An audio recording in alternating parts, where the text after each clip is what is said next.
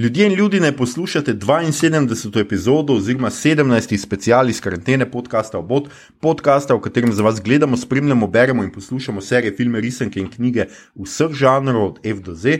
Obot, oklopljeni z Beskarjem, obsujemo Dank Farik, tako kot vedno, Mito Gigič, Servus. Igor Harp Jo, in Aljoša Harlamov. Tokrat je z nami prav poseben gost, to je nesporno, uh, namreč največja zvezda serije, o kateri bomo danes govorili, namreč uh, Grogu osebno. Oh, oh. Žal pa Asoka Tano ni bila na voljo za prevajanje, oziroma iskreno povedano, pokazali smo ceno, ki jo je postavila našemu računovodskemu oddelku prejšnji torek in se še danes, ko tole snemamo, ponedeljek zvečer ob desetih. Niso nehali smejati, tako da um, hvala grogu, lahko greš nazaj počivati, samo stran od hladilnika. Si slišal? Oh, Jezus. oh. No, mislim, da bo ubogal in da bo ostal nekje tle, vse jaz ga bom imel na očeh. Mislim, Um, kako baš- peto fasal.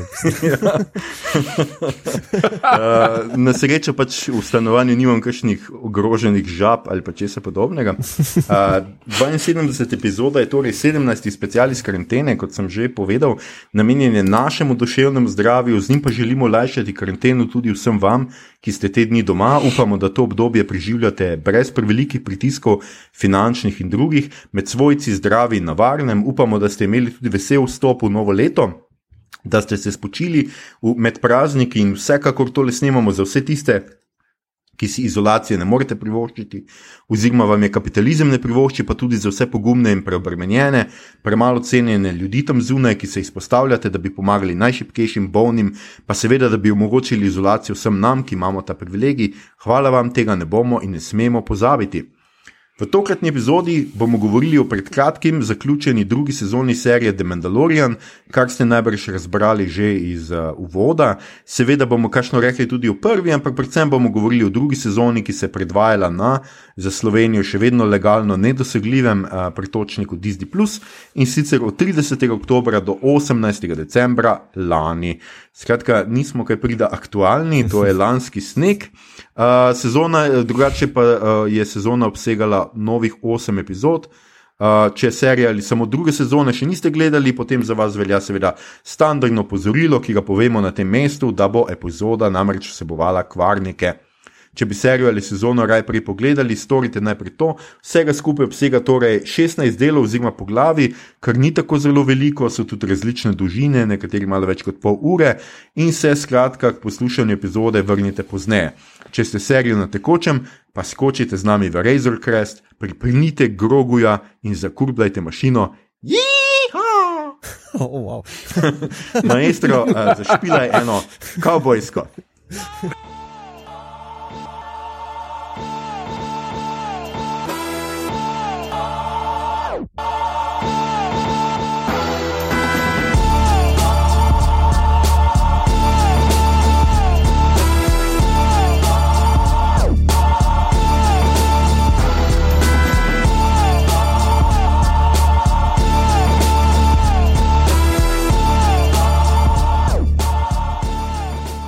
Skratka, uh, mi, smo, mi smo nazaj tudi v novem letu, smo tukaj z vami, uh, dihamo z vami, uh, klepetamo z vami, oziroma mi klepetamo med sabo, vi nas poslušate, tako kot je red stvari na tem svetu. Um, Igor in Mito, kako sta se imela za novo leto, kako sta preživela skok v 2021, ki bo boljše, srečnejše in bolj seksi, kot smo obljubili. Um, vsekakor uh, upajoč, da bo boljše kot 2020. Ja, ja. Noč pa ležečki. No? Uh, ja, jaz sem letos se moral odpovedati temu uh, Dunajskemu koncertu za novo Ajaj, leto v živo, ne, ki se ga vsako, vsakeč udeležim Thanks, uh, v Obama. operi. Ampak uh, ja, ja, upajmo, da bo naslednje leto boljše. Zagotovo Ampak- bo, eh, mi to garantiramo, da bo eh, leto boljše. Ne na zadnje bomo mi, če bo šlo tako naprej, drugo leto imeli še več epizod v tem letu. Jaz mislim, da eh, tole bomo na koncu zračunali, ampak zdaj smo že kar, mislim, da krepko v nekem rekordu. em, epizod, ki jih imamo. Ampak danes govorimo, epizodo posvečamo zelo, zelo pomembni reči oziroma stvari, oziroma karkoli že med ZFF in. So ostalo za Lego, ljubitelji. Skratka, je to serija, o kateri se veliko govori, seveda se pa veliko govori o njej med fani uh, oziroma oboževalci, da govorimo lepo slovensko, med oboževalci in oboževalkami vojne, med, medzvezdne vojne, kot jaz to lepše prevajam, kot je vojna zvest. Um, sicer, kot smo že rekli, Grogu igra v tej seriji, potem Pedro Pascal, ki je trenutno eden najbolj iskanih igralcev, najbolj vročih igralcev, tako da je na nek način vojna zvest. No? Um, Hotel sem še reči tole, da seveda Mandalorian je svojo premiero doživel že zdaj predlani, leta 2019 je eh, šla prva sezona, takrat premjerno na premjernem pretočniku Disney. To je bila dejansko njihova prva izvirna mm -hmm. nova vsebina, ki so jo ponujali in s katero so privabljali ljudi, in kar veliko so jih privabili, in druga sezona, najbrž uh, še več. Uh, da imamo mogoče pogledati samo glavne igralce v. Um, Skratka, Din Džarin je uh, Pedro Pascal, ki smo ga že omenili.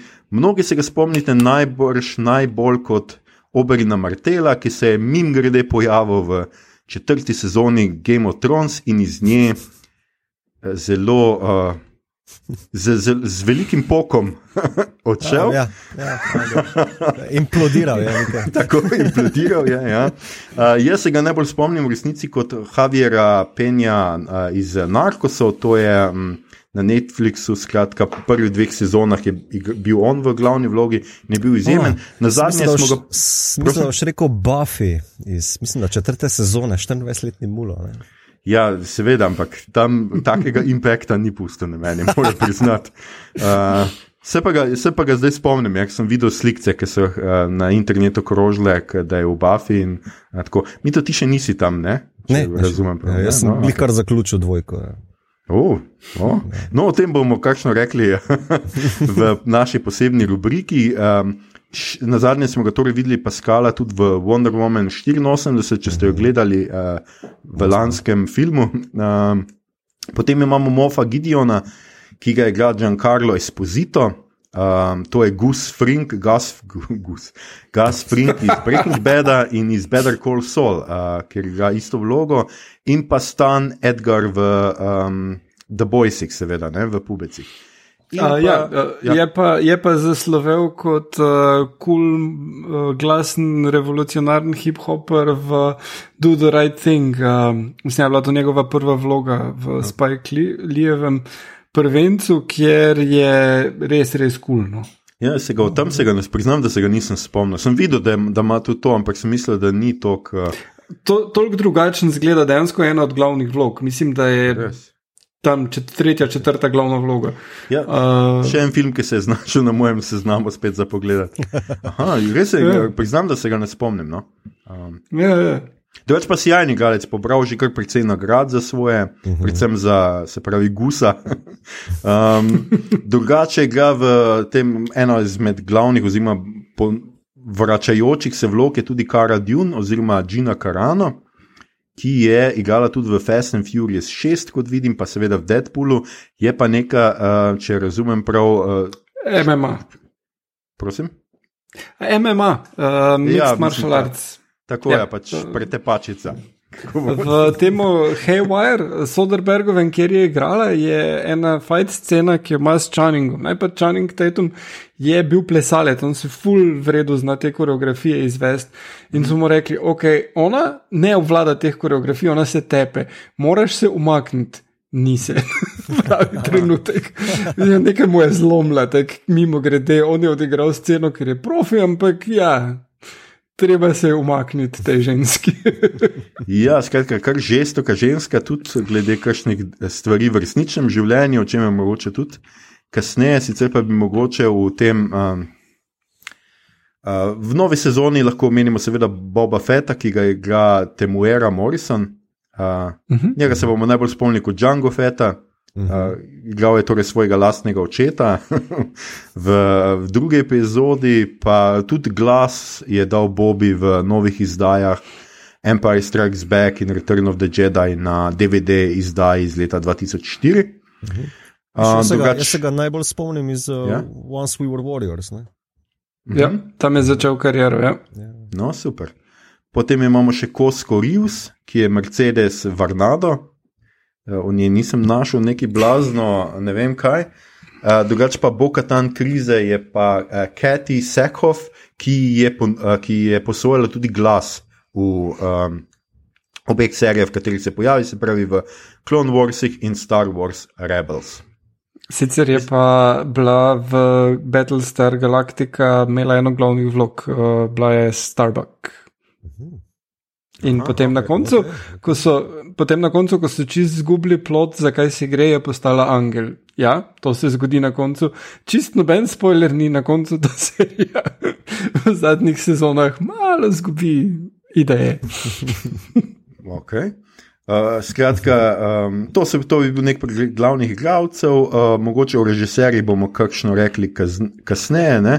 A sem povedal, da je ustvarjalec oziroma kreativni vodja je seveda John Favreau, um, ki ga poznamo od marsikje, ne samo iz uh, uh, medzvezdnih vojn, seveda. Um, in letos smo si ogledali skratka devet uh, epizod. In mogoče ne vem, kaj bo kdo obnovil, kaj je, kaj je zgodba prve sezone za tiste, ki uh, so mogoče gledali samo drugo ali pa ne vem kaj. Uh, ja, uh, lahko na hitro. Torej, v osnovi glavni onak je uh, Din Dujin, kakorkoli, v glavnem si mu pravijo Mendel. Uh, in uh, ima nagravi čelado cel čas, zato ker je dejansko, kot kasneje povejo, verski fanatik um, te neke mandalorijske ločine. Uh, preživlja se kot uh, lovec na glave. In v tem je Face dober, ker pač je neustrašen in nasploh beres. Uh, potem pa dobi nalogo, da uh, pripelje tega 50-letnega, neko 50-letno bitje in izkaže se, da to.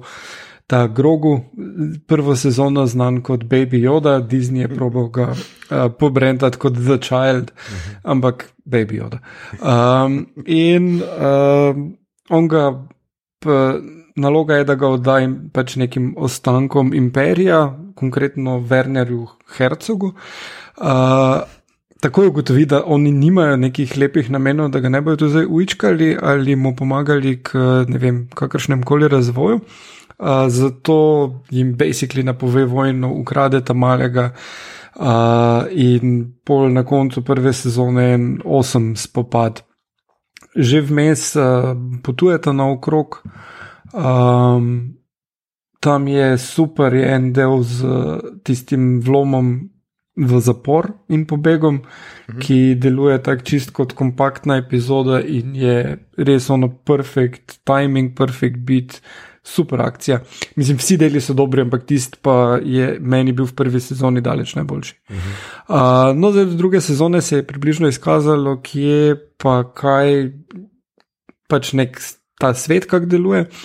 In uh, Mando se je odločil, da bo skrbel za tega otroka in mu pomagal. Uh, nalogo ima, da ga odpelje k jedijem in tekom cele sezone išče razne, kako priti do jedijev, vmes pa spozna še druge Mandalorice, ki uh, imajo malo drugačne načrte kot on, ampak uh, skoraj vsaka epizoda je, da ima on nek task za narediti in ga naredi. Uh, potem na koncu je en del tragedija, kjer uh, pač ne bomo zdaj spoilali čist za ljudi, ki niso gledali, ampak zgodi se nekaj tragičnega, Razer Crest raznese. Um, uh, in Mene kar Uh, srce potem- bolelo, priznam. Meni tudi, ja. Uh, no, in potem se pač zaključi vse skupaj z tem, da on na nek način opravi to nalogo, ker se pojavi. Pa bomo o tem kasneje, kdo se pojavi. To je še zdaj zadnja šansa, da, da si ne spojlate tega. um, Nehate, ja. Ja. Ja. In uh, pač nastavek je za naprej, uh, da bo vse skupaj veliko bolje povezano z tem planetom Mandalor in narodom ali verskimi ločinami, kakorkoli pač gledaš na to, uh, ter njihovo vlogo v usodi vesolja. Ne? Tako da to nekako smo. Galaksije. Okay, okay. Ja, uh, uh, super. Um, skratka, na tej točki smo, um, gremo drugo sezono, mogoče uh, uh, kar začeti. Uh, jaz bi mogoče za začetek vprašal tako, nekako zastavil.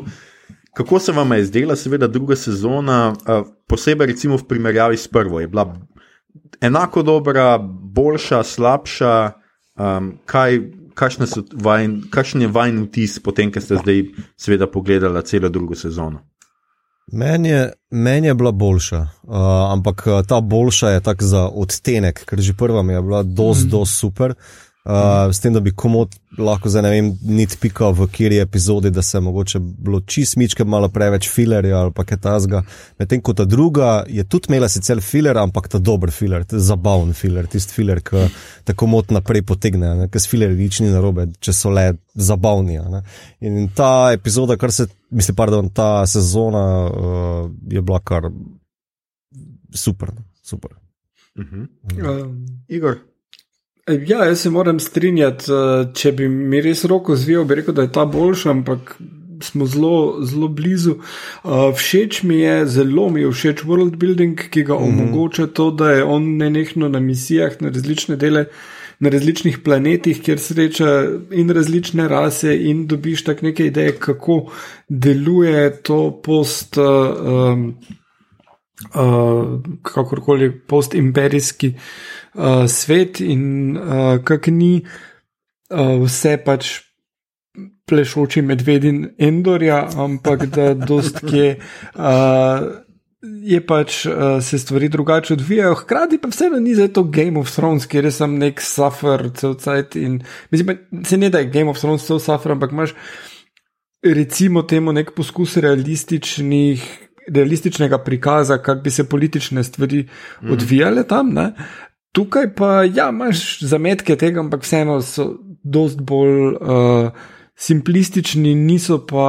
Uh, Dosto poenostavljeni, niso pa simplistični. No, tak, uh -huh, uh -huh. Ja, mislim, da si tole zelo v redu uh, povzela. Tudi jaz tako približno podobnih misli, kot vidva. Um, ja, Igor je omenil epizodičnost, recimo, mi to je mimo glede na vrgo, da je to dober filer. Ne?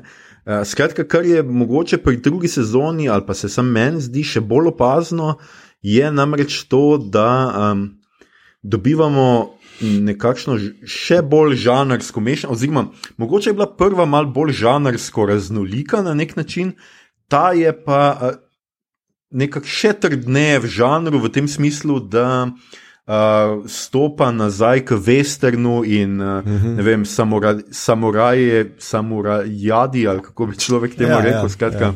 Uh, in da uh, tudi zelo vizualno podobna v zgodbi, zelo, zelo podobna westernom in uh, skratka um, filmom o samurajih. Uh, kako se vam je to uh, zdelo, um, glede tega, ker vseeno. Tukaj smo imeli nekaj pripomp. Ne? Mogoče prva sezona je imela manj tega ponavljajočega, uh, ponavljajoče se strukture. Ne? Tukaj se zdi, da v drugi sezoni zelo veliko krat Mando pride nekam, ne, hoč, išče nekoga, tam reče, da mu da tisto ali pa tisto informacijo, če gre z njim naredi nekaj, uh mhm. -huh. in potem. Um, pač dobi tisto in gre naprej, in se pač stvar ponovi na naslednjem mm -hmm. planetu. Ne. Tako je vsaj v prvem delu, pa mislim, da v drugem, tretjem, mogoče še celo četrtem. Ampak kako se vam je zdelo? Znotraj tega pač je bilo vseeno to upravičeno z nekimi drugimi stvarmi, pač da struktura mogoče ni bila tako pomembna, ni bila tako negativna, no, to ponavljanje. Ja, meni se zdi, da uh, veš, kakšen feeling sem jaz imel na da če je zdaj pač prva sezona, mogoče se rada tudi zgledovala po kakšnih klasikih, rečemo Sedem samurajev ali pa kakšen heist movie, da je vzela ne, in da je bil mhm. učiten mm -hmm. homaž ali pa nagovor temu, se mi zdi ta dost bolj uh, in-world uh, homogena ne, um, zadeva v drugi sezoni, pa s tem ni nič narobe, to je super, ker ful pridoda world buildingu. Po drugi strani sem pa še tudi imel uh, feeling, da ima nek, kako naj temu rečem, uh, gamerski uh, narativ, kot da gledam nek uh, RPG igro. Mm. Uh, torej, imaš misijo, on jo ponavlja skoraj v čisto vsakem delu, uh, moram vrniti uh, otroka uh, k njegovi vrsti, ne, I must return the child to his own kind. Um, in je pač ta quest, uh, dogodivščina, toliko bolj izostrena, ne? meni je to pozitivno. In uh, tako se reko, v bistvu noben del ne bi mogel umankati. Um, zaradi tega verjamem pa, da mogoče bi pa komu zdaj to, da vem, se ta struktura ali pa je ta zga začela ponavljati, ampak nisem imel tega feelinga, sploh ne, niti enkrat mi ni bilo boring ali pa repetitivno. Ne? Mm. Mm. Igor, tebi mm tudi ne? Uh, ne, uh, kot prej rekel, to je zelo vredno urodje, ki ga je uporabljal za world building. Uh, recimo, uh, pa hkrati so bili ti omaži v tem delu um, The Jedi, uh, je bilo mhm. precej. Uh, stvari, not, ki so bile v drugih filmih videne, tudi uh, en japonski, ki se ga zdaj ne spomnim, pa neki vestrni. Ja, Jojimbo je, ja, točno. Uh, in, in take stvari so se mi zdele zelo vredno izpeljane, uh, in me potem ni motilo toliko to ponavljajoča ideja, zato ker se vseeno naprej razvija, pa malo naprej uh mhm. -huh. pride, pa uh, različne like spozna in gre dalje. Uh -huh. uh, mislim, do neke mere me, me je spominjalo ampak na ful boljš narejeno, kot so bile pač te serije v, v 70-ih, ali Kung Fu, pa uh, The Hulk, pa A-Team, mm. pa tako dalje. Mm -hmm. Mislim, da iz tega črpa strukturo, ampak da ni, ni vseeno je nek lok čez celo in ful je boljš.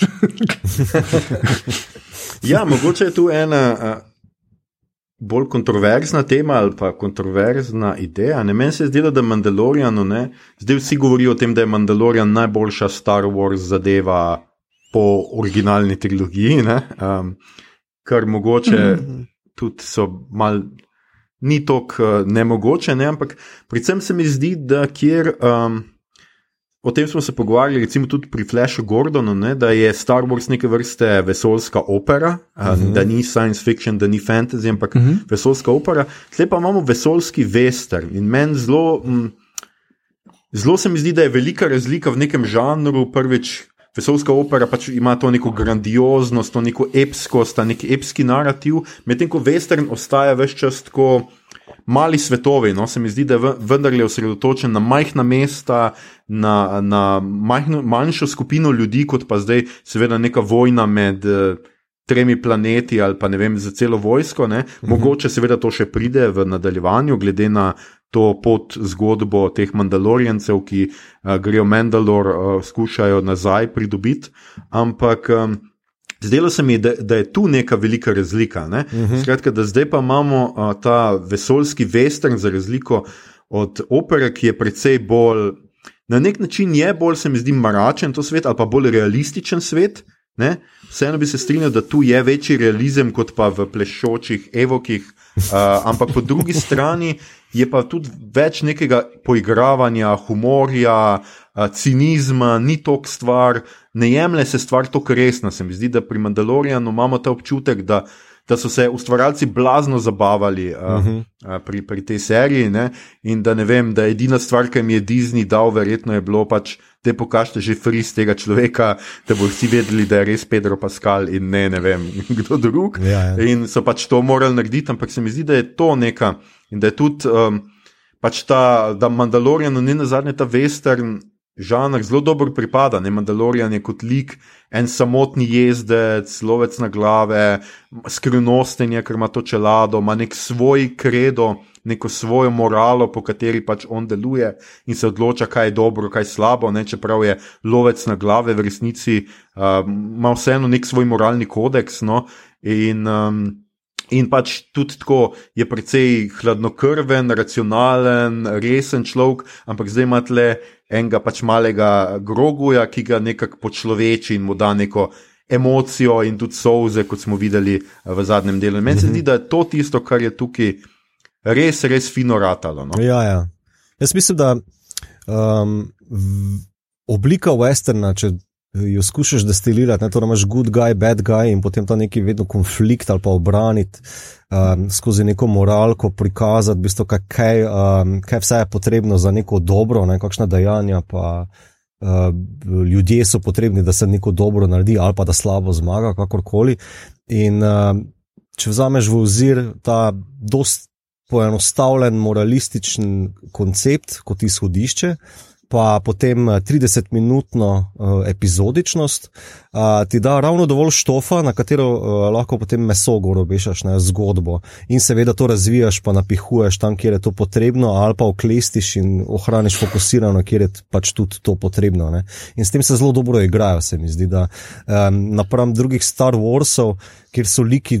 Mestoma malo bolj komplicirani, seveda, še vedno ne tako kot neka huda drama, ne, ampak mm. um, pač pri, pripravljen mehanizem oziroma orodje, da lahko to eno dobro zgodbo poveš ne, v, znotraj Space Westerna, da se tako izrazim.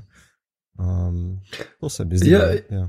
Jaz imam eno vprašanje za vas, ki ste gledali Clone Wars, pa Rebels, pa vse te uh mhm. -huh. animirane variante, koliko se pa Mandalorian primerja z temi, pač čist način pripovedovanja zgodbe, pa uh, svet, kako ga gradi. Ker je zadaj tudi Dave Filoni pri vseh teh mm. zadevah. Ne?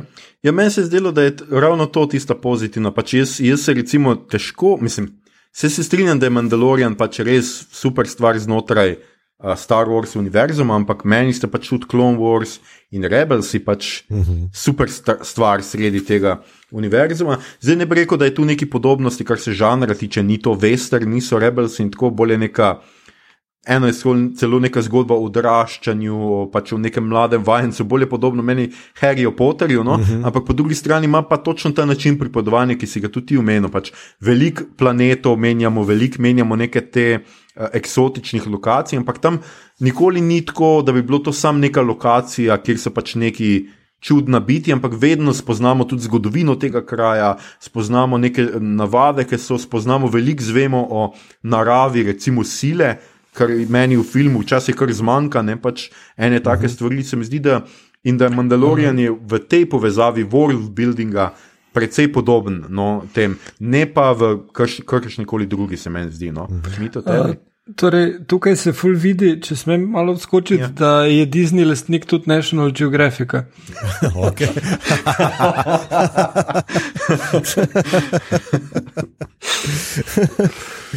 um, Ja, jaz imam taki feeling, da um, je, uh, so Clone Warsi uh, in Rebelsi z eno nogo bolj v trilogijah uh, zastavljeni, že zaradi likov, pa konteksta, v katerem so postavljeni. Medtem ko se Mandalorian obnaša dosti bolj avtonomno uh, serijo kot, uh, kot izdelek. No? Um, in uh, kljub temu, da so zdaj pač ponujali v drugi sezoni uh, že like, ki jih poznamo odprej, um, je ta vsaj vides ali pa občutek, ki ga dajo te avtonomnosti, dosti bolj prisoten, dosti bolj realen. No? Um, pa ne govorim, da je to hiba, uh, oziroma da je manjko tega hiba pri rebelsih, ker je malo drugače, tako, tako si ti rekel, zgodba o odraščanju Ezre, uh, pa odnos do svojega masterja. Uh, naprimer, to, nek, to so neke teme, pa odnosi, ki jih poznamo že iz originalnih trilogij. Pri Clone Warsih je pa tudi tako, zopet odnos uh, Asoketano do Anakina, pa odnos uh, Anakina do Obi-Wana. Vsi ti odnosi, ki so bliže v prvotni trilogiji izpostavljeni, so pač v Clone Warsih napihnjeni, razdeljeni, bolj. Um, uh, uh, poglobljeni za fene, v bistvu, ful dobrodošli, kot karakterizacije in tako naprej. Tu pa je čist nekaj novega, zelo samo svojega, ima pa to drugo odliko, ne? nekaj svežega, nekaj nepoznanega. Ne? In mislim, da to je ena velikih prednosti. Uh, Uh, ja, uh, uh, se, meni se zdi, da je razlika tudi v tem, da niti Mandalorian uh, Uh, mislim, niti Mando, niti v bistvu noben drug lik, uh, večji, ki se pojavi v seriji, nima istih idealov kot ljudje iz filmov. Ne bori se za imperij, prav vseeno mu je za njim, mhm. tudi ne bojo ga, mislim, za imperij, za, za republiko ali karkoli. In tudi tile, ki so iz ostanki imperija, uh, kot Mov Gideon nimajo pravzaprav ideje, da bodo oni zdaj povrnili veličino imperija, ga nazaj zgradili, ampak bodo oni furali svojo sceno bolj in jih mm -hmm, za, mm -hmm. za vse ostalo. Ja, uh, tudi, mogoče glih to, ne, da pač uh, ta moralna sivila, ne, ki je glih za Mandalorijo na toliko paše, ne, ker pač ne veš, good guy, mm -hmm. bad guy, vse ne, bounty hunter zna biti surov, nasilen. Uh, Medtem ko pač v Jedi vs. Sith, uh, dark side pa light side, imaš pa te pozicije zelo jasne, ne, so vseeno mm -hmm. vitezi pa čarovniki pa tako naprej. Tu imaš pa v bistvu nekako bolj humano človeško podobo Star Wars vesolja. Ne. Mm. Ja, se strinjam, absolutno je pač to ni vesolje v katerem bi se zlobneži imenovali, da imajo temno silo. Ne? To je pač -hmm. tako.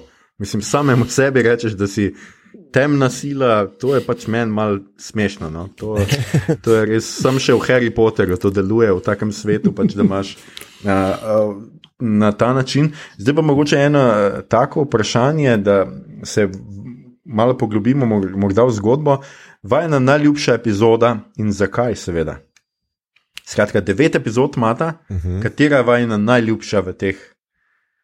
Če morate zbrati samo eno, recimo, da vam zvijam roke in držim pištolo na glavo. Je meni, je... Uh, bi... Aha, pardon. Ne, jaz bi samo rekel, da je osem epizod, ne devet, ampak. A ja, oh, pardon, osem epizod, seveda. Ja. Lažje je zbrati, mi to pove. uh, meni je The Jedi, torej tam, kjer spoznamo Asokatano. Um, mislim, da je na nek način perfektno povzame, kaj Mandalorian je. Uh, Imidži oziroma vizualije so izjemne, od onega gozda do končnega fajta, do tiste vasice, uh, akcija je izjemna, uh, pa potem še tale world building, ki se doda. Do Mislim, epizoda naredi, spostavi spin-off, spostavi mm -hmm. nov lik, uh, pa uh, Ja, ne vem, kaj še ne rečem. Mislim, ta, tam, je, tam je res bila od, od vseh najbolj izjemna, no, ker je super zgledala, izjemna akcija, super dialogi, the best. Igor, ti? Um, ja, meni sta bile um, prvi, prva epizoda Marshall, uh mhm. -huh. mi je bila full všeč. Zelo težko se odločim, ker tudi The Siege in The Rescue sta mi bili super, ampak bom kar vseeno rekel Marshall, ker je toliko kul cool predstavi tega uh, maršala.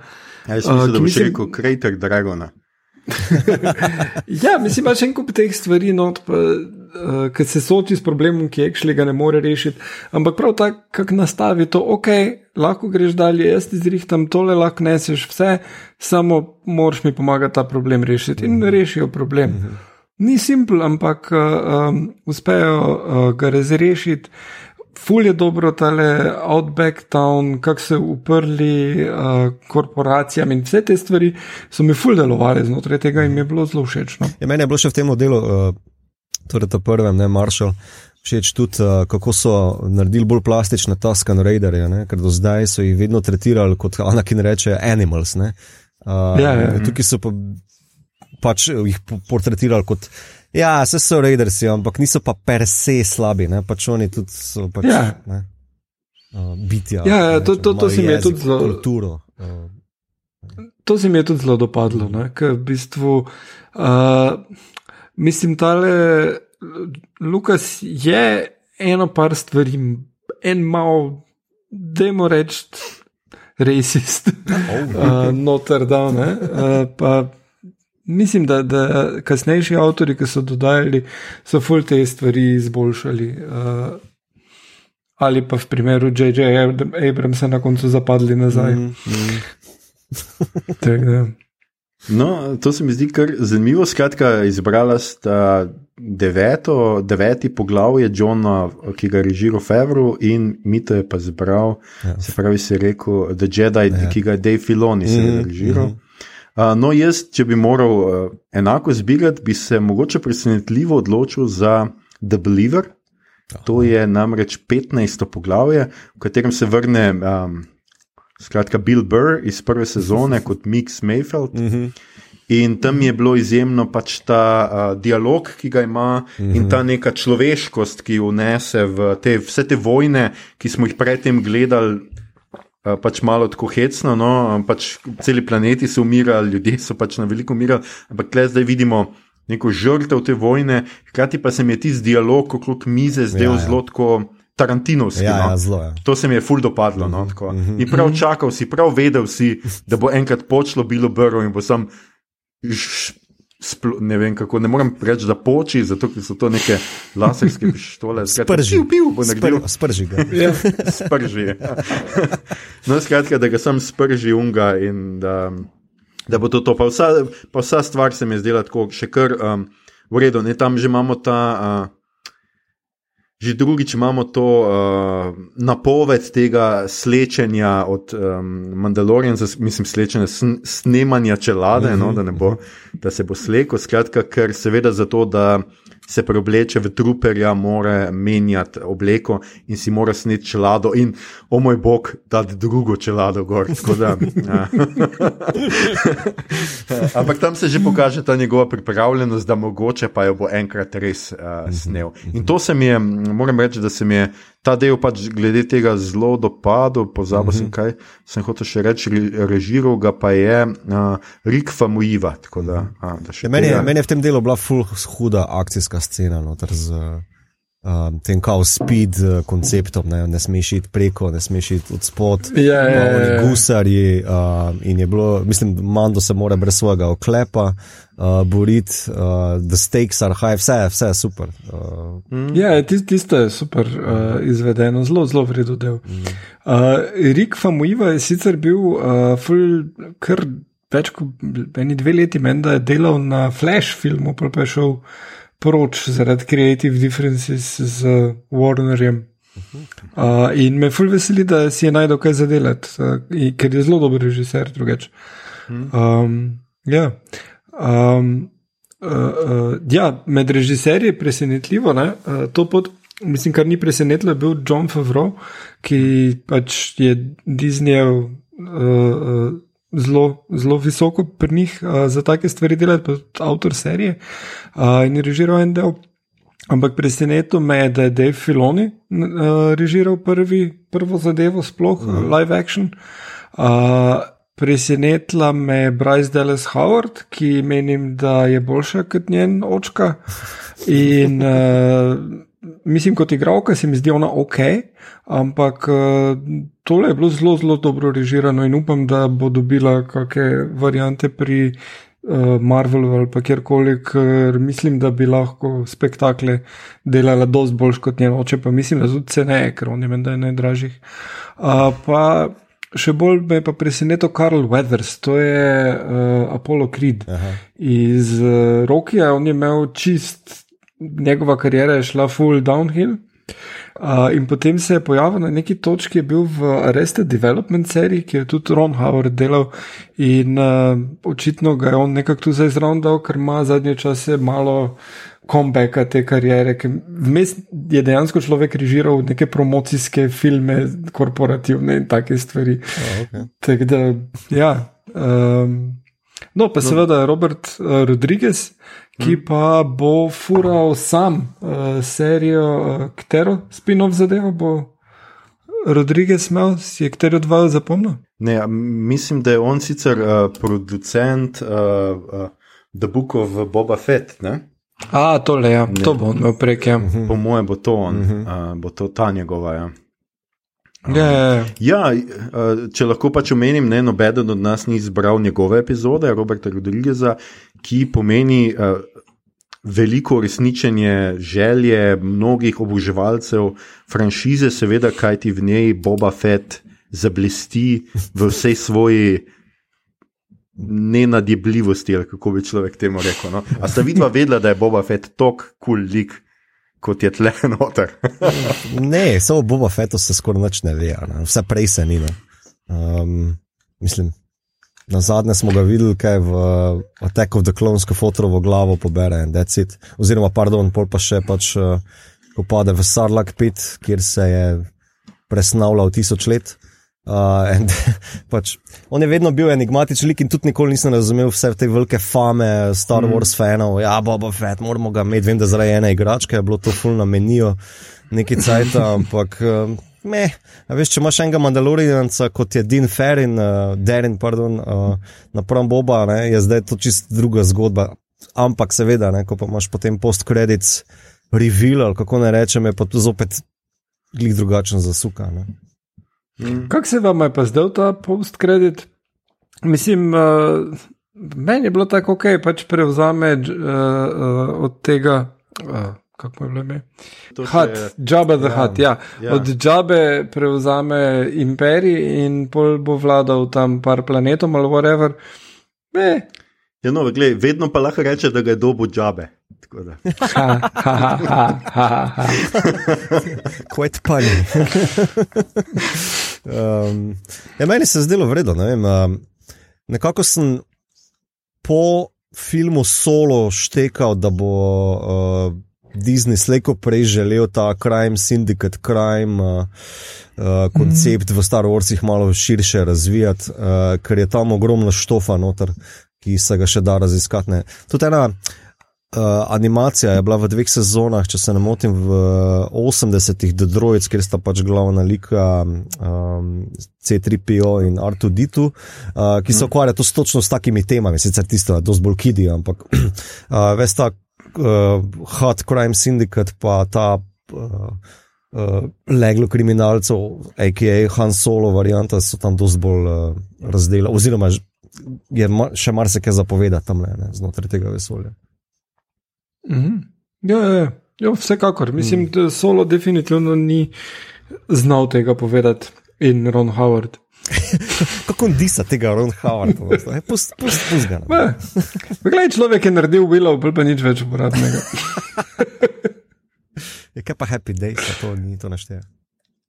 Oh, wow, ja, to je še starejše. um, hotel sem še nekaj reči na tej točki. Ja, meni sicer tudi sem, mislim, dobro, zdaj mentale poskredici, jaz sem pričakoval, ne vem, kaj, karkoli drugega, bolj povezanega z Mandalorianom, ali pa kaj pač bo v prihodnosti, ali pa ne vem kaj.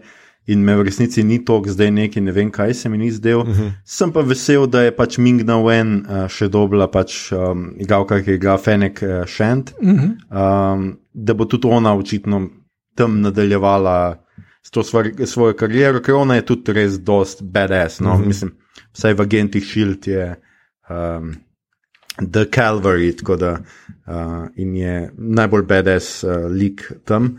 In se mi zdi, da je čist fina igralka in da super, da dobiš to priložnost. Smo pa zdaj že malo res. Um, pač upam, no, da tretja sezona ne bo postala odskočna deska za še šest drugih spin-offov. No. Ja, um, ja, ja. To bi bilo dolgočasno.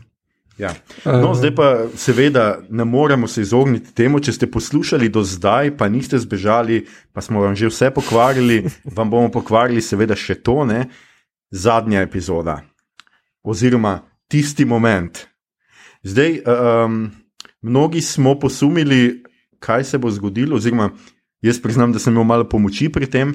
Skratka, ko um, seveda grogu sedi na, kako se že reče, temu kamnu Singstone ali nekaj takega. Uh -huh. um, ja, skratka, ko seveda sedi na Singstoneu in pošilja metuljčke nekemu uh, jediju, seveda smo videli na Singstoneu Luka Skywalkerja v zadnji trilogiji, ne, ga uporablja na tistem planetu, kjer ga Rey najde in je s tem že bil ne, nekako napovedan, uh, ampak potem, seveda, v zadnji epizodi, ko se pojavi njegova silhueta, ki malo s tom meglo spominja na Darta Vaderja, uh, na ne, v nekaterih prizorih že takoj. Um, sta bila presenečena, sta bila šokirana, sta ple, plezala po steni, sta jokala od nadušenja. Kakšna je bila vajna reakcija, to me zanima. um, ne, ne, nisem bil. Uh, mislim, jaz sem imel uh, v igri dva imena. Uh, uh -huh. In takoj, ko sem X, uh, torej tega X-Wing Fighterja videl, sem videl, da je Luke. Um, pa še potem takoj uh, ta njegova leva železna roka. Uh, mm. Pa zelena sabla je takoj tudi potem oddala, ne, kdo je. Uh, ne, ni me pa presenetilo, ali pa ni mi bil za taki bum, da bi po steni plazil, ker sem, jaz imam malo deljeno mnenje o tem. Pa sploh se ne gre za njegovo portretizacijo v tem delu, uh, torej zgolj vizualen pristop. Ampak tako sem, a res nisi mogel neki drugega uporabiti, res moraš iti nazaj na originalen štof, da nekako daš uh, fenom neki neki, a ne? uh, ki bi lahko tukaj uporabil to šanso, pa pripeljal koga novega, no, ali pa koga, ki ga fani vsaj deloma poznajo, ali pa nek lik, ki bi znal biti prideti prav tudi vnaprej. Zdaj, z lukom je tako, vse fajn, pa to je fan servis, ki je čisto ok. Je čisto ok, ni noben problem, ker si imel toliko build-upa do tega. Uh, zdi se mi samo, da mogoče, če bo zdaj Luk vsako, vsako konec sezone prišel pa par uh, zagad rešil, bo to problematično. Uh, da bi ga pa non-stop uporabljali, pa tudi ne bi bilo ok. Um, mm -hmm. Igor, tvoja reakcija je bila kaj bolj šampanca vredna? uh, ne, isto se mi je zdelo. Luk je dost na prvo žogo rešitev. Um, recimo uporaba le v Ružvan. Uh, se mi je zdela dost boljša, dost bolj na mestu, kako poveže stvari. Ne. Tukaj pa pač je, ja, okay, da bi on enega učenca, zato da ga bo v tisto šolo odpeljal. Uh, dost bolj bi se tudi meni dopadlo, da bi nekoga drugega, uh, ker prav vem, da se so krožili se z nami vsi živeči Jedi, ki mm -hmm. bi lahko bili mentori na, na, na tej točki zgodbe, za katere se, se ve iz nekih knjig ali pa animacij ampak eh, ne. Pač je luk, ok, je lušno, lepo ga je vedno videti. Uh, ampak eh, bi mi bilo bolj všeč, če, če bi bilo kako bolj inovativno. Ali pa celo kdo, ki si misli, da je mrtev, tako se Darth Maul pojavi v solutu. Yeah. Ja.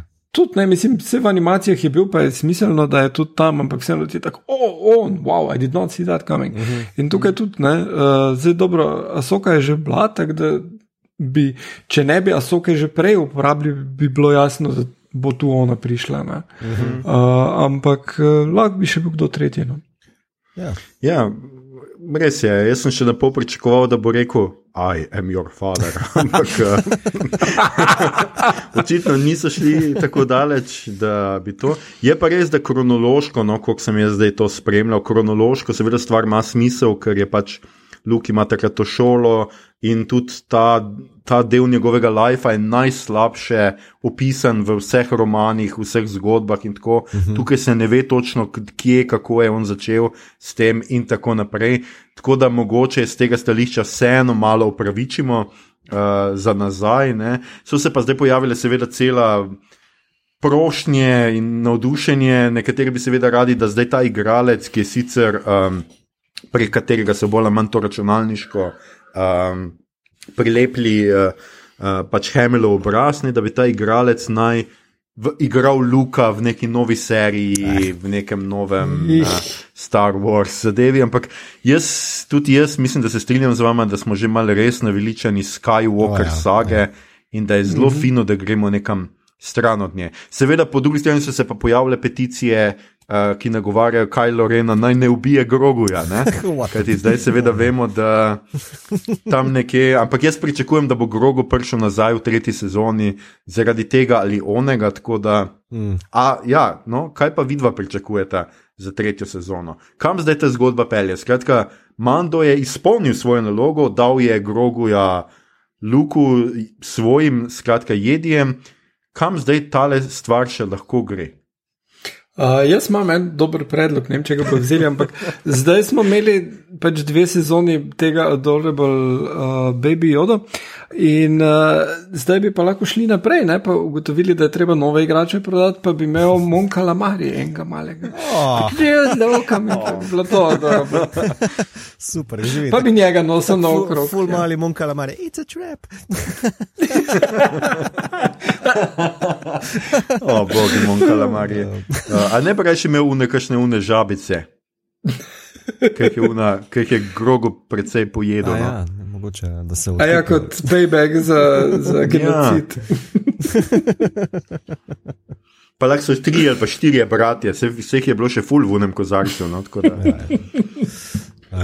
um, ne vem, no, jaz Mita. mislim, da um, iskreno sem radoveden. Eh, kako bo to naprej pelalo. Vsekakor upam, da bi lahko ta uh, Mandalorian uh, koncept, torej njihovega planeta, ki je bil opustošen strani imperija, uh, ta konflikt, uh, ki je bil spostavljen med Dinjerinom in Bokatan, uh, torej mm -hmm. prestolo naslednico, uh, da bi to bolj raziskali. To mene to mene zanima. No. Uh, vem, da je to Mhm. malo drugačen koncept, kot smo ga do zdaj gledali, torej ta The Lone Wolf and the Cub uh, logika. Ne.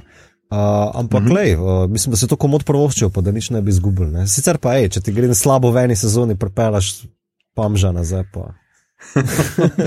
Ja, no, definitivno jaz sicer mislim, da štorija boš, mislim, ta štorija absolutno ni zaključena, zakaj bi Mandalor vlekli zraven, Mm -hmm. če Pa- potem bi kar pustili, da zdaj unda ni Dark Saber in ona gre svojo pot. ja. Tako da jaz mislim, Ja. ja. da tle neka, neka stvar bo. Um, jaz sem hotel sicer še, zdaj, ker sem se spomnil teh žabic, meni je bilo tudi fantastično, za me pač moja. Nostalgija, čeprav je to nostalgija za par mesecev nazaj, mi je bila v resnici ravno ta prizor, ta del za tole žabico, kjer se pojavijo ti veliki gromozanski pajki, ki so že v Rebelsih, Aha, skratka, neki Snow Spiders, whatever. Mm -hmm. ti, čeprav v Rebelsih jih, uh, um, skratka, sprženje, kot je to omenil, uh, mito ne rani, ne? Ne. tukaj pa jih. Tako da tle je mogoče malo razlike. Malo so se polen, pač to so že neki milenijski spideri, pa so se že malo polenili. Okay. tako. Uh, bili so v karanteni predolgo, pa so pač izgubili malo. Uh, vem, kaj. Všeč mi je, kako razmišljaš. Mislim, ja, jaz res uh, pričakujem, željno pričakujem tretjo sezono in upam, da jo bomo lahko gledali legalno. Uh, in po možnosti bi imel to s slovenskimi podnapisi, ker če Apple lahko, pol Disney tudi lahko. Uh, Tako da, ja, in to bi imel pač ja. Res, naj se spravijo zraven. Že ni tako težko. eh, taki Se spravijo zraven. poziv oboda Disney, nehi delati iz nas kriminalce. Ja, tudi vi bi radi bili le, legalni. Um, ne, definitivno pač Disney zdaj le seveda z januarjem začne z WandaVision, letos pride Loki, pride Winter Soldier. Zdaj vsi ti spin-offi, ki so napovedani, so že tako malo konfuzni, da sploh več ne vem, kaj se bo. Skratka, Bova Fett, bo pa seveda Soka Tano, uh -huh. uh, ki so jo že zdavnaj obljubljali, obljubljali. Domnevam, da tudi uh, the, the, bad, uh, no, the Bad Batch. Uh -huh. So, Ja, The Bad sem Batch, prav ja. Ja. Skratka, tudi tale animiranka, domnevam, da pride direkt gor. Ne, in tako da definitivno bo v letu 2021 marsikaj zanimivega na Disney Plusu, in mi bi to seveda absolutno uh, legalno gledali. Um, Ja.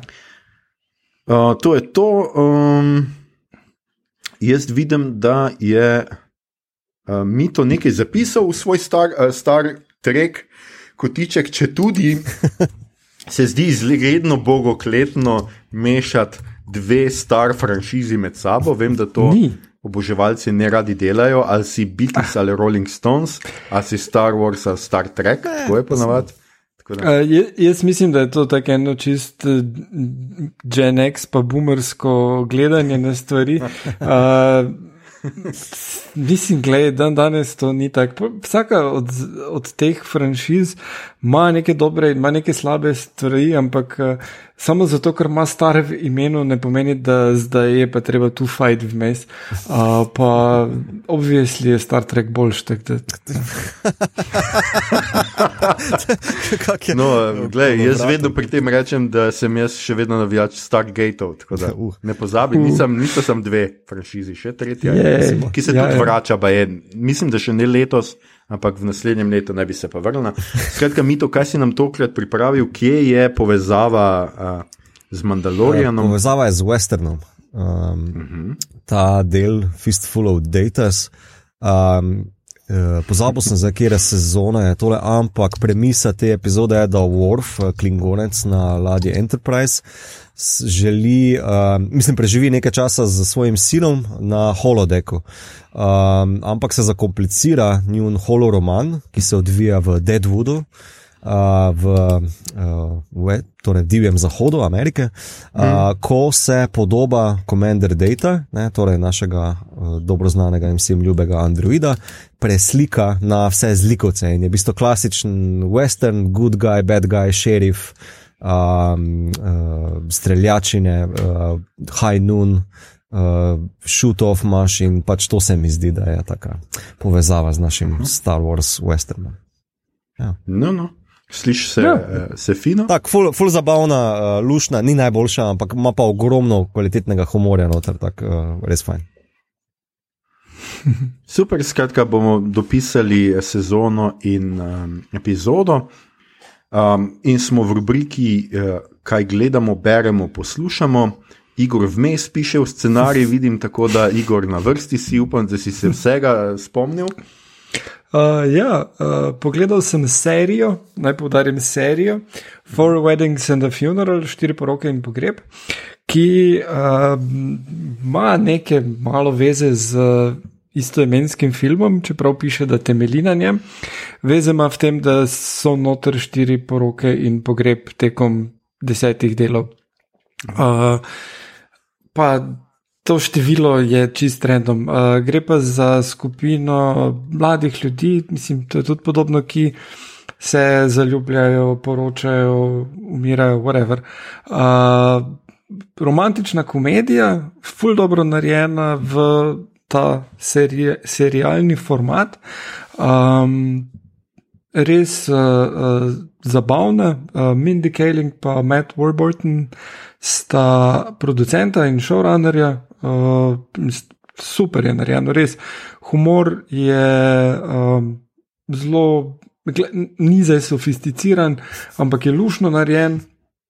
Fajn pelje štorijo, ni ne rata boring uh, in ko imajo um, razne te kičaste govore, kot ti si mi vse in podobno, kar pač mora biti v, v to vrstnih uh, filmih, znajo to narediti na zelo uh, zabaven način, dostkrat z malo samo ironijo ali pa česa. In mislim, meni se je to zdelo, to sem pogledal celo zdaj v začetku leta, v par dneh. Uh, Krasno, super začetek leta.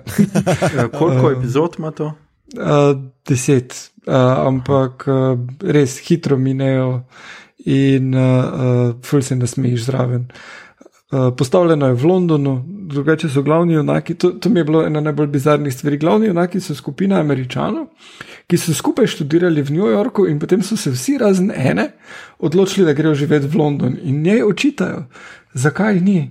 Zakaj se ni ona še preselila k njim, pol vse, ne? ampak tako, seriously, na nobeni točki ne razložijo, zakaj je kdorkoli od njih šel v London, kaj bi jih vleklo. Ja, ne, oni pač pridejo, ja, pa se preselijo, pa si dobijo jobe tam, pa so full fine. Ja.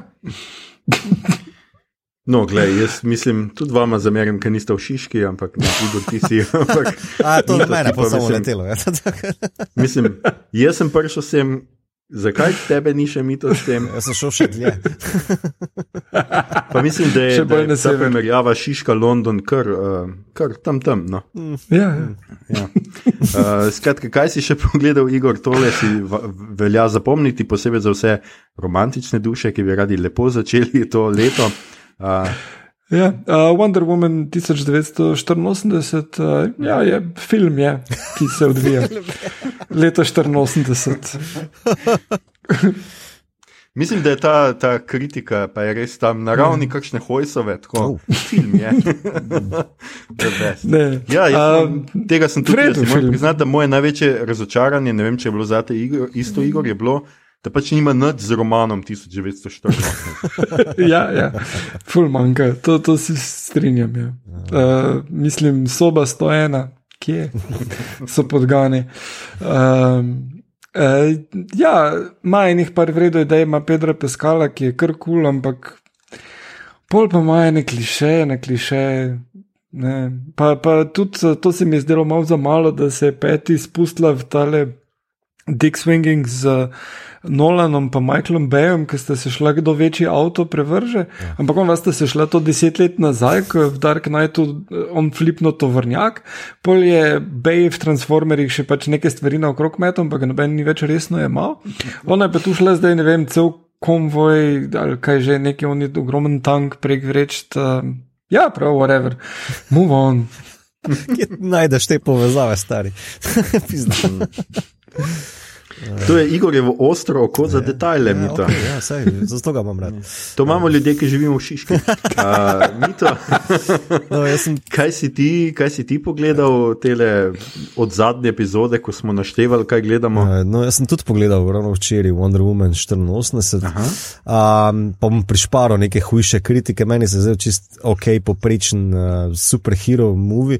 Mogoče je ena par korakov ja. nazaj, kot bi si pa mislil. Tak, ne samo, da se dogaja, vejte si, tudi en taki campy feeling ima superhero mm. filmov iz 80-ov. Uh, ampak mogoče moj največji biv s tem je, da uh, se full ne dogaja nekih hudih zadev. Tako po eni stoti minuti ali kjer izmiš, da pa pizda, se to, to se malo vleče. No? A Veš, tako, uh, na prav prvega se mi zdi, da Galga do ful dost krat uh, nekako proba neke emocije posredovati, malo strmi ven, pogreša svojih boyfrienda. Tako naprej in ne vem, če je ravno dorasla tem emocijam uh, kot igralka. Uh, kot igralka. Um, mogoče pa kaj več takrat, če bomo ta film vzeli pod drobno gled. Um, sem pa, evo, to je mogoče malo bolj špasen, sem pa ravno kar zaključil tudi uh, Buffy drugo sezono. Evo, Buffy nikoli nisem gledal. Um, mm -hmm. Vedno je samo en bradonja iz levega brega drave nakladal o tem. Um, ja, it's fun, it's fun. Um, um, prav uh, relaxing je uh, od vseh teh nekih hyped up uh, serij, ki so nabite za akcijo, je pa ta epizodičnost, uh, tedenski monster, uh, pa 90s feeling, pa muska. Pa zelo sproščen, rahlo kempi pristop do teh uh, horor, uh, demonskih, vampirskih vsebin, prav kul. Cool. Uh, in mi je všeč, ja, prav z veseljem pogledam. No, super, me zelo veseli, da, da se ti je dopadel. Uh, ampak zdaj ta boljša epizoda še pride, tretja in četrta, mislim, da sta najboljša v kanonu. Uh, tako da se veselim na mestu tebe. Jaz se bom pogledal, po mojem, spet čez ene par let. Uh -huh. Um, ker pogledam to na vsake, ne vem, 6, 7, 8 let, mogoče, uh -huh. kar že malo pozabim. tako Da, uh, um, zdaj vidim, ker sem malo preletel, kaj je bilo vse druge sezone, da še nisem tako pozabil. Tako da mogoče še kakšno uh, leto ali dve. Uh, še kaj mito si še kaj pogledal drugega? A, uh, ja, če- gledam v bistvu za če- Expense za nazaj še enkrat, uh, ki bi rad uh, s Tino skupaj ujel peto sezono. Um, to je pa to, da smo tako zelo fokusirani na te dve seriji trenutno. Da, uh, ja. Ne. Igor, nekaj si hotel reči? ali? Uh, ja, glede Buffy bom poiskal, če se še kje najde, ampak jaz sem imel sošolca na faksu, ki je pisal fanfiction, uh, The Spicy Kind of Fanfiction. Mm, si predstavljam. Uh, če, če najdem kje še na netu njegove te kratke zgodbe, vam posredujem li, linke. Okej, in, in tudi našim bralcem. Ja. Super, naj že zelo veselim. Um, skratka, jaz sem pogledal, jaz sem gledal dve franšizi, bolj ali manj zdaj te praznike in sicer to sta seveda Star Trek filmi. Pogledal sem prve tri filme. Um, The Motion Picture, The Wrath of Khan in uh, The Search for Spock. Ah, Um, se pravi 79, 82 in 84. Um, Tako le bom rekel, no, um, jaz sem zdaj, ker sem gledal pač to dokaj povezano, ne takoj po originalni, pa po animirani verziji, sem šel gledati filme. Um, nimam toliko tega feelinga, ampak prav si predstavljam, da so ljudje, ki so to po desetih letih doživeli film Star, uh, Star Trek, kakšne emocije so to bile. In tisti prvih, min, prvih par minut, ki bi se mogoče marsikomu zdele. Mislim, kam to, to gre, res, res počasi, uh -huh. ampak to kazanje, počasno odkrivanje ladje, ja, ki je ta prenovljena. ta nova. krk porna, veš. Ja, fu, mislim, ful, je, ful je epsko. No? In tudi druga, druga, drugi film, mislim, da še ujame malo tega vizualije, so seveda ful boljše. Ful je zgodba malo bolj resna, uh -huh. stari so, kaže se to, pač niso tega skrivali, da so stari, uh -huh. niso skušali tega potlačiti, ampak so nekako upletli, upletli v zgodbo. To mi je bilo všeč. Mi pa je bil to zadnji del, ta Search for Spock, malo že Uh -huh. malo že, mogoče tu mač, no bom videl, bo, kako se bo ta stvar nadaljevala. Čeprav mi že tu unkan, pač več čas, ko sem poslušal, pa gledal te meme, nikoli nisem tega povezal s tem kanom iz originalne sezone, ki se mi zdel čist brezvezen lik. Ja, ja. In tle noter pride kot velik zlikovec, pa ne veš zakaj, v resnici. No. Ja, um, pač, a veš, to so ti argumenti, kao neki vele umi, gensko napumpani možgani, ki so Mm. hteli zavladati zemlji in pač to je očitno. So res pobrskali po, ok, koga imamo ta zga, ne, zraven onih vseh bogov, pa čudnih kreatur, ampak nekdo, ki je zemlja, ki je, ima s krkom oseben bifar. Um, ja. Ja, je pa tako. No, ta, me pa je tako, na koncu drugega dela ta smrt spokova mm je pa super speljana. Ja, no, to- prav njegova, s- prav karakterno. Mm -hmm. pač, Mal mi je žal, da so ga nazaj obudili, no, čeprav pač. Še pride, zdaj še tri filme pridejo, no, ampak uh -huh. se mi je pa zdelo zelo fino, no, a, vsa ta zgodba in pač zaključek tega izjemnega prijateljstva, uh -huh. ki smo ga gledali. Uh -huh. tako, tako da jaz sem zaenkrat še kar zmerno navdušen in upam, da naslednji Ja, vikend uh, pogledam še ostale tri. Zato, če bi hitro se še samo skočil noter, ker mislim, da zgodba za trojko je tako, Nimo je rekel, da se ne gre več, zato je bila smrt v dvojki na ne. Eh, Pol pa, ko so ga vseeno, prosim, prosim, prid nazaj, vse veš, da oni ne morejo nikjer drugje igrati. Uh, Ja. uh, da je pač pol on imel um, zglihal neke krege, uh, pa mislim, da je režiral trojko, če se ne Ja. motim. Uh, da je njegova, ja. Ja, da je pol rekel, ajde, gremo vse. ne. Uh, ker ja, dvojka, če bi sam pri tem ostalo, bi bilo super, tak nek zaključek ene te ekipe. No? Uh, še posebej ta, meni je ta stavek všeč, ko se krk poslovi od torpeda, kjer je njegovo truplo odrkal. Izmed vseh potovanj je on en, iz, ki je bil najbolj human, ne, najbolj človeški. a Ne? Se mi zdi tako, mm. beautiful. Ne? Ja, jaz se strinjam. Tako da mm, jaz vsekakor priporočam tudi filme. No, in se pravi, veselim se, da pogledam še preostale tri in da se potem selim na novo generacijo. Yes. Um, sem pa vmes pogledal še prvih sedem Harry Potterjev, pač zadnji mi še manjka, sem še zadnji, tako da mogoče več o tem v naslednjem. Bom pa tako rekel, da um, zdaj le, kaj gledam. Po kar nekaj letih, no, jaz, jaz sem jih sem enkrat pogledal, vse skupaj, nikoli nisem, mogoče sem enko gledal dvakrat ali pa dvojko še, nikoli pa vseh še enkrat. In um, ene stvari se mi zdijo kar uh, zelo fine, no, se mi zdi, da so zelo dobro uh, prestale tež časa, uh, je pa tež časa tudi gledanje tega, ker je vsak del dve uri, pa pol najmanj. No. Tako da to je res, res uh, kar težko. No. Uh, pri enih Ja. delih, en, dva dela sta, ki se kar mal vleče, no, moram priznati. Uh, Vse skupaj, Ne, ampak sej, ja, uh, sej pri Harryju Potterju, to je sploh z uh, malimi otroci težko. Zdaj, pa, okay, zdaj bomo pa gledali dve uri, pa pol, zdaj pa moramo najti dve uri, pa pol cajta, da bomo gledali dejansko TV lahko. Mm -hmm. Pa pauze vmes moraš imeti, pa vse to, ne, in je kar uh, zna biti naporno, ampak uh, moji tam mali so zelo všeč, knjige in filmi. Mi smo pač prva dva pogledali, zelo postopoma doziramo. Ne? mm, Ampak ja, ja. Ja, meni se pa zdijo, da so Glavnemu dosta, ekonomični, ki, koliko razumem, pa knjig še nisem prebral, da je marsikdo umanka no, v ekranizaciji. Ja, absolutno je tudi precej manj stvari, ampak veš kaj, ta ekonomičnost je včasih tudi tako, tako ne? ene stvari so, niso povezane sploh med sabo. Uh -huh. Tam v enem delu sta dve štorije, ki se na koncu prepleteta, ampak ti za eno zveš tako tik pred zdajci. Pač, ok, Jean je našla nek dnevnik, mim grede, bila je obsedena, uh -huh. cel cajt tega filma. Tako, Ja, kaj? ampak vse v knjigi je isto, veš. Uh, v knjigi isto, glih beremo to knjigo, drugo. Uh, in uh, v knjigi ti tudi ne zveš nič. Ona je samo omenjena, glih toliko v filmu, uh, super adaptacija je.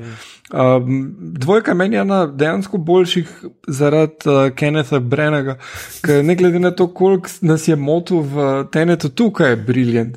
Tukaj v dvojki je on tale šarmer, uživa, prav fake uživa, ja. čarovnik in je perfekt. Perfect. Ja, seveda, igralci, igralska zasedba pa je itak fantastična. Ne? Tle pa nimaš, nimamo zgubljati besed. Tudi, recimo, otroci so se zelo dobro izkazali na, na koncu. Ne? Uh, ne na zadnje, razen Rona, ki ga nisem več videl v nekih ve- večjih filmih, ampak je tudi imel svoje vloge, sta pač in Hermione in Harry, seveda. Igralca, z, se pravi Redcliffe in Emma, uh, igralca, seveda, z sjajnima uh, Um, Karierama. Karierama. Hvala, Igor. Ja, um, ja no, skratka, sej, gled, mogoče še več o tem, ko pogledam še zadnjega. Definitivno je meni tudi tako, da je tudi v knjigih, knjigah marsikaj narobe in da se to kaže v filmih. Pač nekonsistentnost sveta, nelogičnosti, ki so noter. a Ne? Um, Mislim, tako, Bradavičarka je definitivno šola, ki bi jo jaz jemal nadaljavo. ne, Ker, mislim, sorry, tle otroci lahko umrejo za vsakim vogalom. To je pač noro, kako nesposobni, nevešči, nepazljivi so ti učitelji. No, katastrofa. Ampak mogoče o tem še kasneje. Definitivno pr- priporočam vsem, da če že kupujete knjige, pa iščete v trdih platnicah, tako kot jaz, ne kupovati dragih knjig na rabljene knjige. Na Facebook skupini, kjer dosegajo vrtoglave zneske, uh -huh. ampak počakajte še nekaj mesecev, mislim, da dva ali tri, kaj ti pridejo nova izdaja, v, mladinska knjiga bo izdala nove trde, eh, knjige v trdi vezavi, no, ker zdaj jih kar nekaj let so bile Aha. samo v žepu. Ej, hvala za te. Tudi jaz si bom nabavil. Namreč, Ja, ja, ne, gled, jaz sem hotel tole kupiti, ampak eh, res, res pravim, to so astronomski zneski, Ja. ki jih ljudje morajo dati za te knjige, če jih hočejo imeti v trdih platnicah. Um, tako da malo sem zdaj Cool. cool. kakšen dober posel speljal. Uh, Ljudje in ljudje, to je bila že, ne boste verjeli, naša 72. epizoda, zdaj to povem na koncu, včasih sem se čudil na začetku. Uh, poslušali ste namreč podcast, ki se oglaša na ime Obot, podcast za serije, filme, risanke in knjige vseh žanrov od F do Z, ki ga gosti mreža Apparatus. Z vami smo bili Mito, Boba Fett, Hater, Gigič, O, ja. Potem uh, Igor Ron Howard, hater Harp in pa uh, Aljoša Džabe de Hat Harlamo. Uh, tole epizodo smo posneli preko spleta z naših domov. Ne pozabite, kljub temu, da je leto 2021, da se je ce začelo cepljenje, je virus še vedno resna nevarnost in še naprej se moramo. Čuvati mi se, upamo, da se vi tudi, s tem, ko čuvate sebe, čuvate tudi svoje bližnje, sosede, sodelavce, s tem pomagamo razbremeniti medicinsko osebje. Čuvamo se lahko samo skupaj, ostanimo skupaj, tudi ko smo narazen. Če vam je bilo všeč, kar ste slišali, širite, lajkajte naš podcast, naročite se nam preko vašega najljubšega appa oziroma ponudnika podcastov, še vedno toplo priporočamo. Castbox, dajte nam kakšno oceno na Apple Podcasts, mi je Igor vmes eh, pomagal, spremljajte platformo aparatu z odličnim izborom podcastov za vsakega. In če, se, in če se vam bo v naslednjih dneh zaluštalo pojesti kaj eksotičnega, pustite jajca ogroženih vrst na miru, pojdite v lokalno pekarno, pet minut preden jo zaprejo in kupite pica burek, ki so ga spekli zjutraj, lahko greste tudi naslednji dan zjutraj. Uh, za eksotične filme, serije, knjige, teme, družbeno vprašanje in šale pa poslušajte podcast Obot. Morda nismo vedno po vašem okusu, to da nikoli nismo dolgočasni. Ah, here, here. Na Twitterju nas najdete kot adpodcast obot, na Facebooku smo podcast obot brez uh, pikic s kajem, enako na Instagramu, tam delimo rajcerje, prikolice in druge zanimivosti in tja lahko usmerite vprašanja, pripombe, komentarje, ljubezenske pesmi, groguju, predloge, kaj bi za vas pogledali naslednjič. Tole je bila 72. epizoda, 17. special iz karantene. Če bo vse tako, kot mora biti, se slišimo spet naslednji torek, namreč 12. januarja, ko smo se namenili govoriti o drugi sezoni serije His Dark Materials oziroma njegova temna tvar iz HBO. Ki ji predvidoma 19. januarja sledi dolgo pričakovani, dolgo, dolgo napovedovani pogovor o nemški seriji Dark z Netflixa. Uh. Za vse tiste, ki ste nas spraševali, kdaj se bomo lotili Dark, zakaj se ne lotimo Dark, ali bomo se lotili Dark. Za vse druge, ki nas tega niste spraševali, se pa lahko pripravite na epizodo in serijo pogledate, oziroma pogledate še enkrat. Tole so naši načrti za začetek veličastnega leta 2021, leta, ko bo vse drugače, ko se bodo znova odprle kinodvorane in bomo videli vse tisto, česar lani nismo mogli. Obodovke in obodovci, ostanite zdravi, kjerkoli že ste, upamo, da ste lahko doma, se slišimo in poslušamo. Ah, ah.